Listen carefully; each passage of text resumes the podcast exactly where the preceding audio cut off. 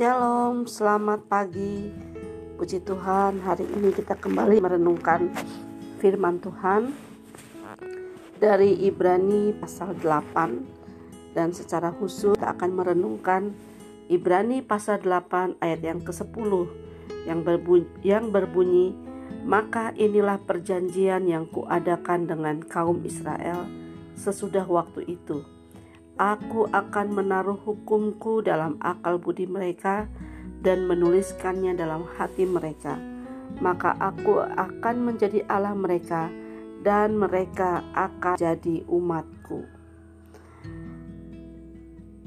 Dalam perjanjian lama dan perjanjian baru sebenarnya bukan hanya terpisahkan berdasarkan oh ini kitab perjanjian lama 29 kitab.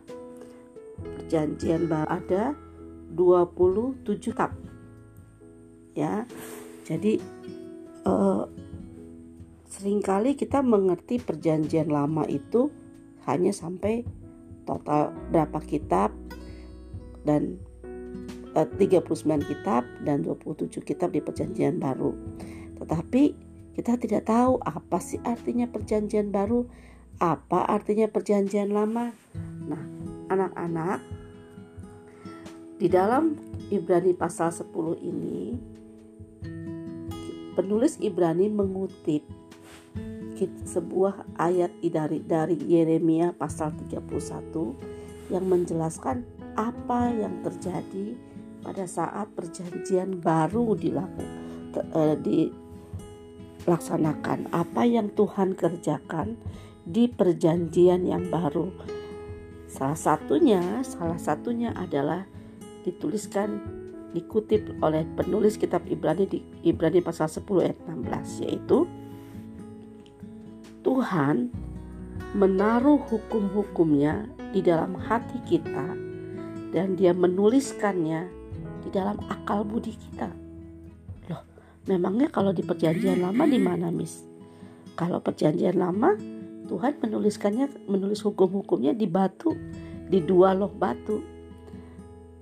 Jadi tuh uh, Musa pergi ke Gunung Sinai dan Tuhan memberikan kitab Tauratnya.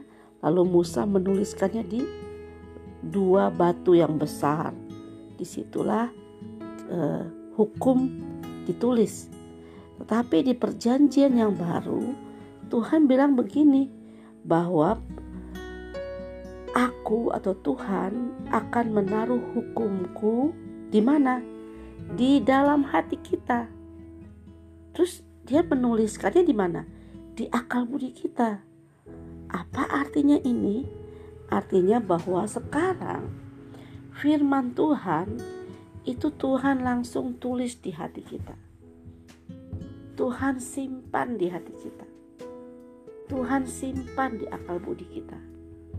Yang menuliskannya, Roh Kudus menuliskannya untuk kita. Wah, luar biasa. Firman Tuhan yang adalah Tuhan sendiri bisa kita temukan di dalam hati kita. Waktu kita membaca firman Tuhan, tersimpan di dalam hati.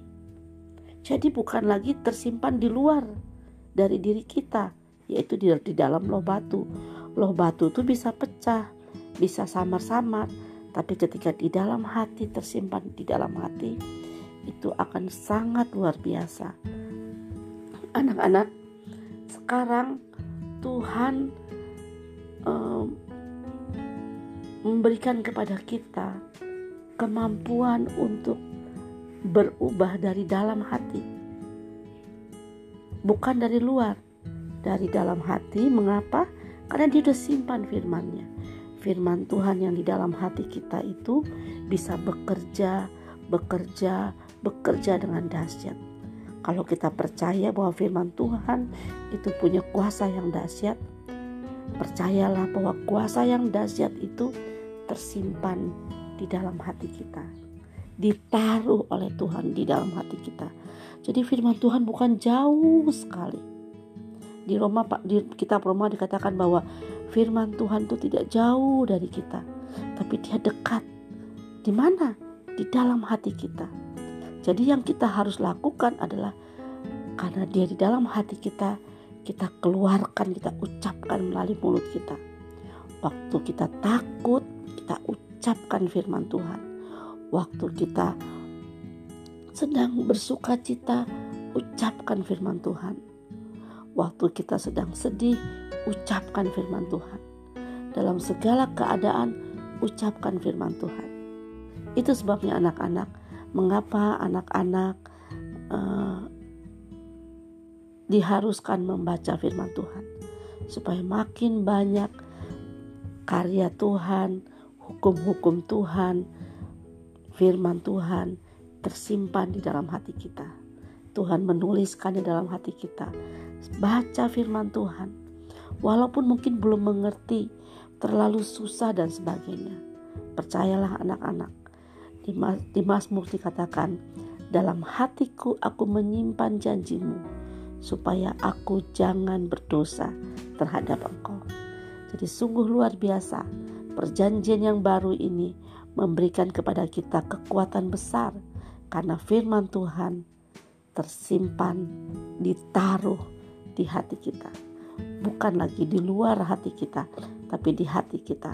Setiap kali anak-anak mau mengalami perubahan, setiap kali anak-anak mau mengalami mujizat, ingatlah bahwa firman Tuhan itu sudah ada di dalam hatimu. Sudah ditulis di hatimu. Tinggal engkau ucapkan dan terjadilah seperti yang firman Tuhan katakan. Tuhan Yesus memberkati.